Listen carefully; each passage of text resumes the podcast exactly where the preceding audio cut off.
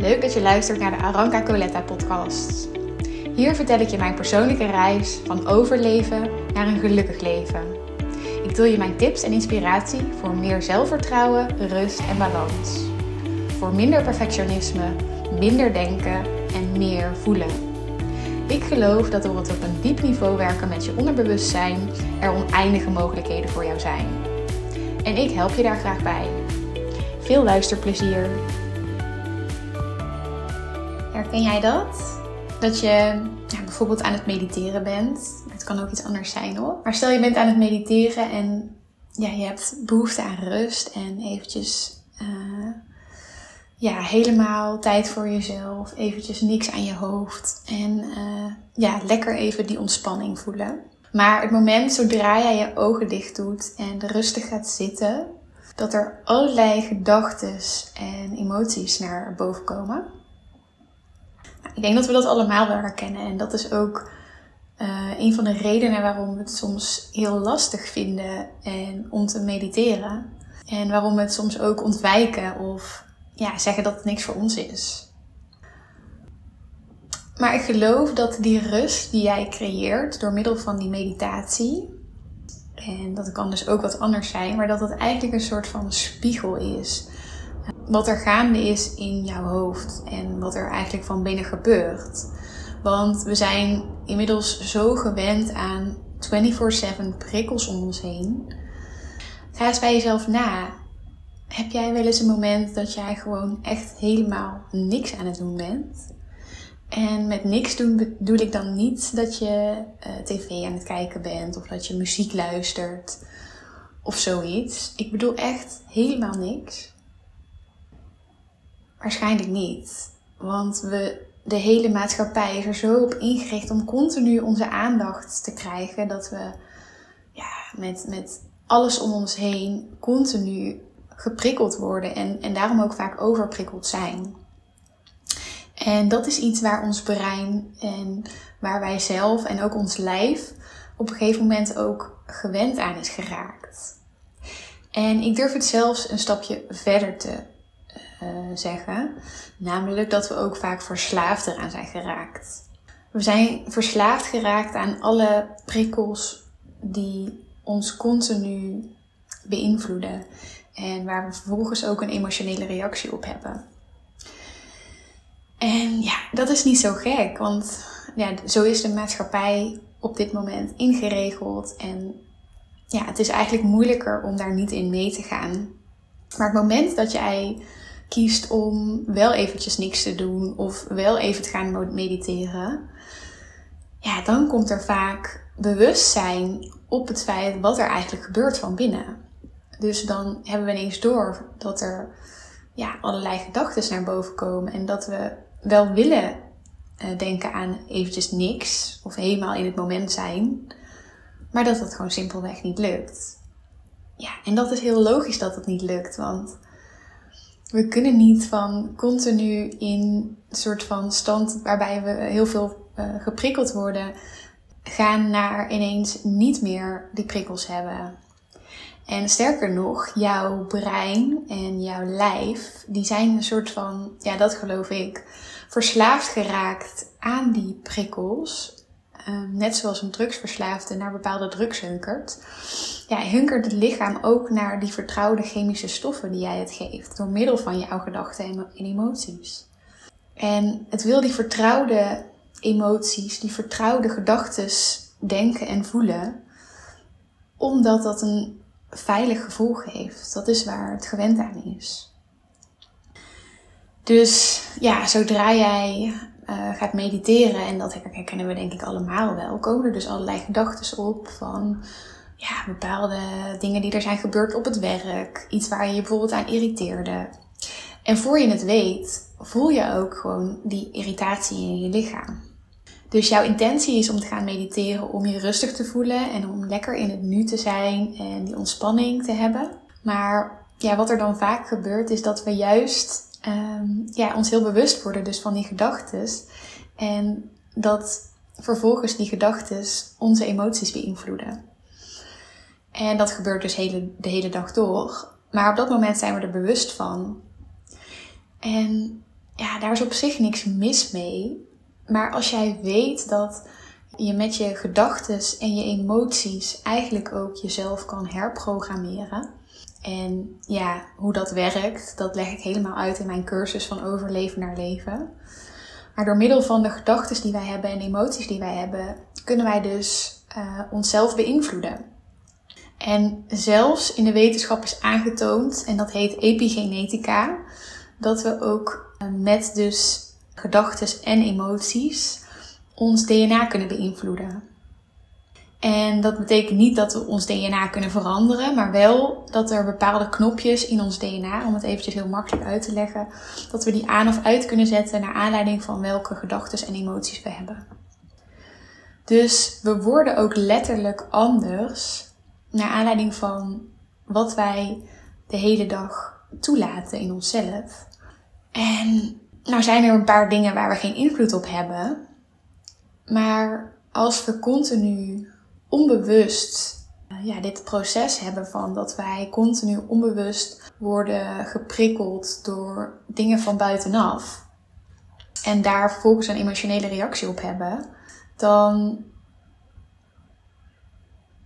hebben we zelf eigenlijk heel weinig invloed op die programmering van onszelf. En dan worden we eigenlijk afhankelijk van wat er om ons heen gebeurt. En ja, dat gebeurt vaak onbewust. Dus het is niet dat jij dat nou bewust doet. Niemand. Alleen als je dus weet dat het heel veel effect op je heeft. En dan bedoel ik niet dat er één gebeurtenis is die meteen dan jouw DNA verandert.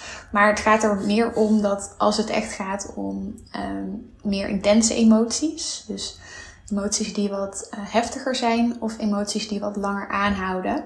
Um, nee, dan, dan beïnvloeden ze ons meer. En daarmee zeg ik niet dat emoties er niet mogen zijn, want integendeel, ik denk juist dat het heel belangrijk is om primaire emoties, dat we die er kunnen laten zijn. Omdat uh, emotie, en dat heb ik ook al vaker met je gedeeld, is energie in beweging. En het enige wat een emotie nodig heeft, is dat die er mag zijn, zodat het weer kan doorstromen. Uh, maar dat gaat dus om een primaire emotie. Maar naast een primaire emotie, of vaak over een primaire emotie, zit een secundaire emotie. En dat is eigenlijk een emotie die over de kernemotie ligt. Dus als ik een voorbeeld mag geven, dan um, is het misschien dat jouw primaire emotie verdriet is, omdat je een dierbare hebt verloren.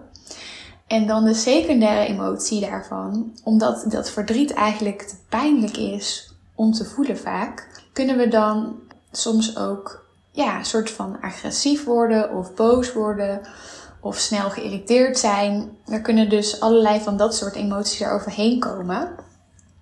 Ook omdat we dus die primaire emotie er niet willen of kunnen laten zijn. En dan uh, ja, komt er dus een secundaire emotie. En een secundaire emotie is een emotie die vaak veel langer aanhoudt uh, dan een uh, primaire emotie. En waar je in kan blijven hangen. Waar je dus ook verslaafd aan kan zijn, naar mijn mening. En als je dat hebt op langdurige basis, dan beïnvloedt het ook jouw zijn. En als we dus dit, uh, als het hele proces bij ons onbewust is, dan kan dat dus heel veel invloed op ons hebben zonder dat we dat doorhebben. Maar het moment dus dat we gaan mediteren, dan wat er dan gebeurt, is dat we dan eigenlijk vaak bewust worden van wat er gebeurt. En ja, bijna allemaal zijn we dus uh, vaak veel in ons hoofd in de westerse maatschappij. En ja, gedachten maken dus ook dat we een bepaalde emotie voelen. Dus ja, niet zo gek dat als jij gaat mediteren, dat er dan van allerlei gedachten opkomen met ja, wat je, uh, ja, dingen over het verleden vaak. Dus, dus hoe, hoe je dag was wat er goed is gegaan of wat er niet goed is gegaan. Maar ook vaak, oh, ja, en misschien herken je dat ook wel, uh, wat je nog moet doen. En ik herken deze zelf ook heel erg. Dat ik uh, ja, vaak mijn to-do-lijstjes in mijn hoofd afspeel van wat ik nog uh, moet doen. Moet doen. Interessant. Um, en ja, daarmee ben je dus als je ja, in, in gedachten daar bent, dan ben je dus of in het verleden of je bent in de toekomst. Maar je bent niet in het nu.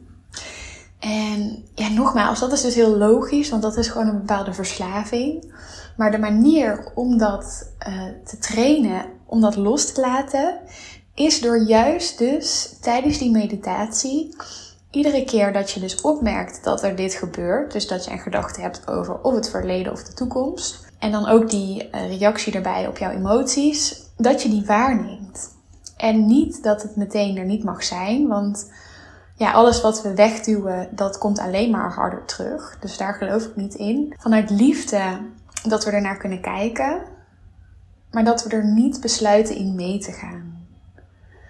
Dus als jij tijdens een meditatie of misschien wel ja, in bed, want dat hebben we in bed ook vaak, want dat is ook een moment hè, dat we dan eventjes geen prikkels meer hebben. Dus dan komen vaak die gedachten en die emoties naar boven.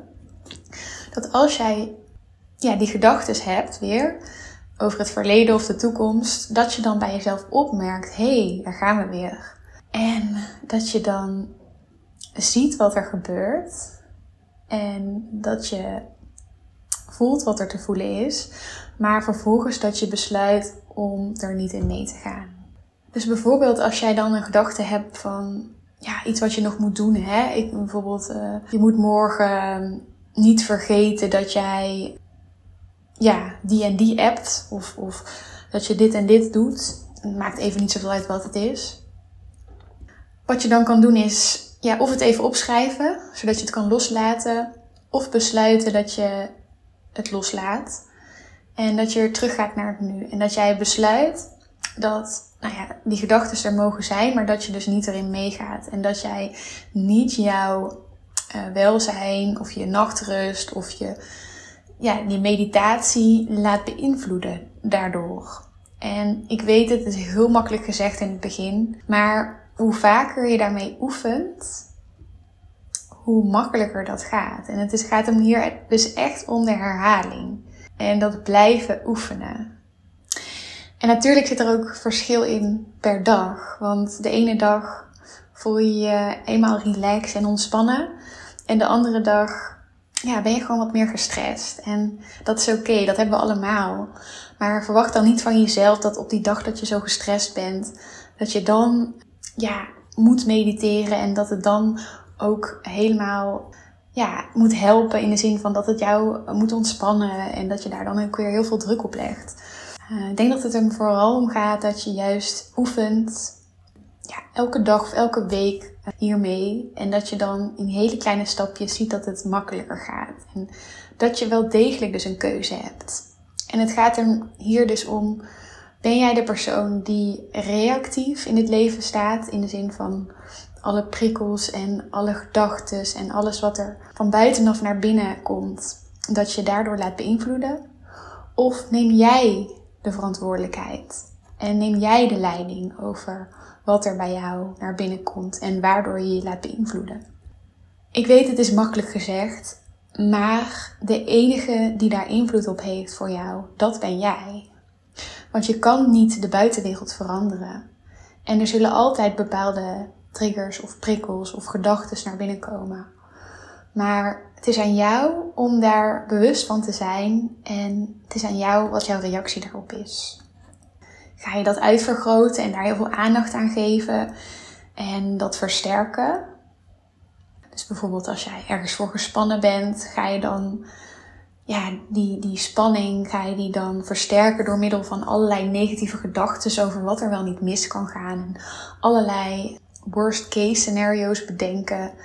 Waardoor je eigenlijk heel veel aandacht dus geeft aan dat het mogelijk niet lukt. En ja, aan die stress. En je voedt daarmee eigenlijk de stress en de spanning. En ja, dat werkt eigenlijk averechts. Eh, dat is makkelijk gezegd, ook opnieuw, maar ja, het is echt super krachtig als je in ieder geval hiervan bewust kan zijn. En ja, verwacht dan niet meteen van jezelf dat het in één keer anders is. Maar ik garandeer je dat als je je bewustzijn op dit gebied vergroot, dat het dan in kleine stapjes steeds makkelijker gaat. En dat gun ik jou. Als je het leuk vond om deze podcast te luisteren, dan zou ik het heel erg leuk vinden als je voor mij een review wilt achterlaten. En nee, dat kost je bijna geen tijd. Het enige wat je hoeft te doen is in Spotify te gaan naar mijn podcastprofiel Aranka Coletta, waar je nu al bent waarschijnlijk. En dan boven het kopje afleveringen te klikken op het aantal sterren dat je wilt geven. Dus één druk op de knop. Dankjewel